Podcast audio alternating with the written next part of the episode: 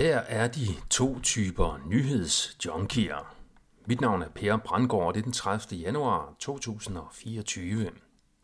Tillad mig her at præsentere min karikerede opfattelse af de to typer nyhedsjunkier for tiden. Den ene type svælger i nyheder fra hovedstrømspressen.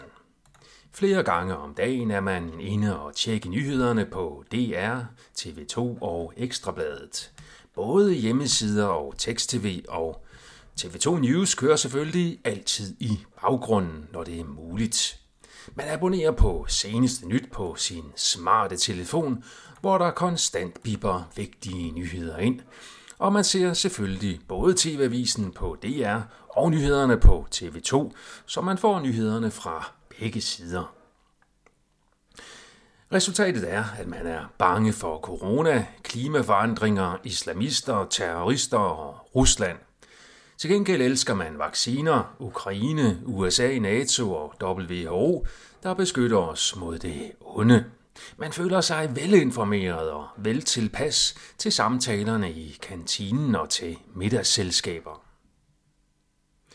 Den anden type svælger i nyheder fra alternative medier – og er med i flere netværk, der deler videoer, hvor alle hemmelighederne bliver afsløret. Som nyhedsjunkie er man afhængig af, at nyhederne bliver mere og mere vilde og utrolige. Men fordi man er vågen, så kan man forstå alt det, som de sovende får ikke fatter. Resultatet er, at man bruger dagen på de sociale medier, hvor man føler sig vigtig og brokker sig over, at den onde industri fylder mad og medicin med gift, mens man selv kæderyger cigaretter og åbner dagens øl nummer 3. Man er selv overbevist om, at man er super sund, for man har jo ikke taget vaccinen. Til gengæld er man glad for tatoveringsnålen, da farvestoffer i huden ser sejt ud og umuligt kan gøre skade. Det eneste, man godt kan være lidt bange for, er at køre lange ture i bil, da man jo kan risikere at falde ud over kanten af den flade jord. Begge typer er enige om, at der findes to typer af nyheder. De sande og de falske. Den ene type tror på alt i hovedstrømmen, mens den anden tror på alt i modstrømmen. Begge typer er også enige med sig selv og deres venner om, at man ikke må tvivle på, om nu også alle nyhederne inden for den mediekategori, man tror på, er sande. Vi har ret, og de andre tager fejl. Vi har ret, og de andre er uden for pædagogisk rækkevidde.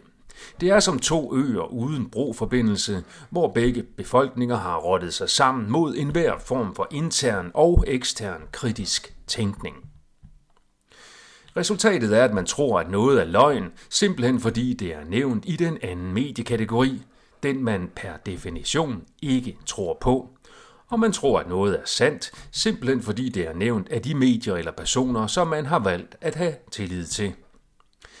De to typer nyhedsjunkier er, efter min mening, to sider af det samme problem. Der må findes en tredje vej.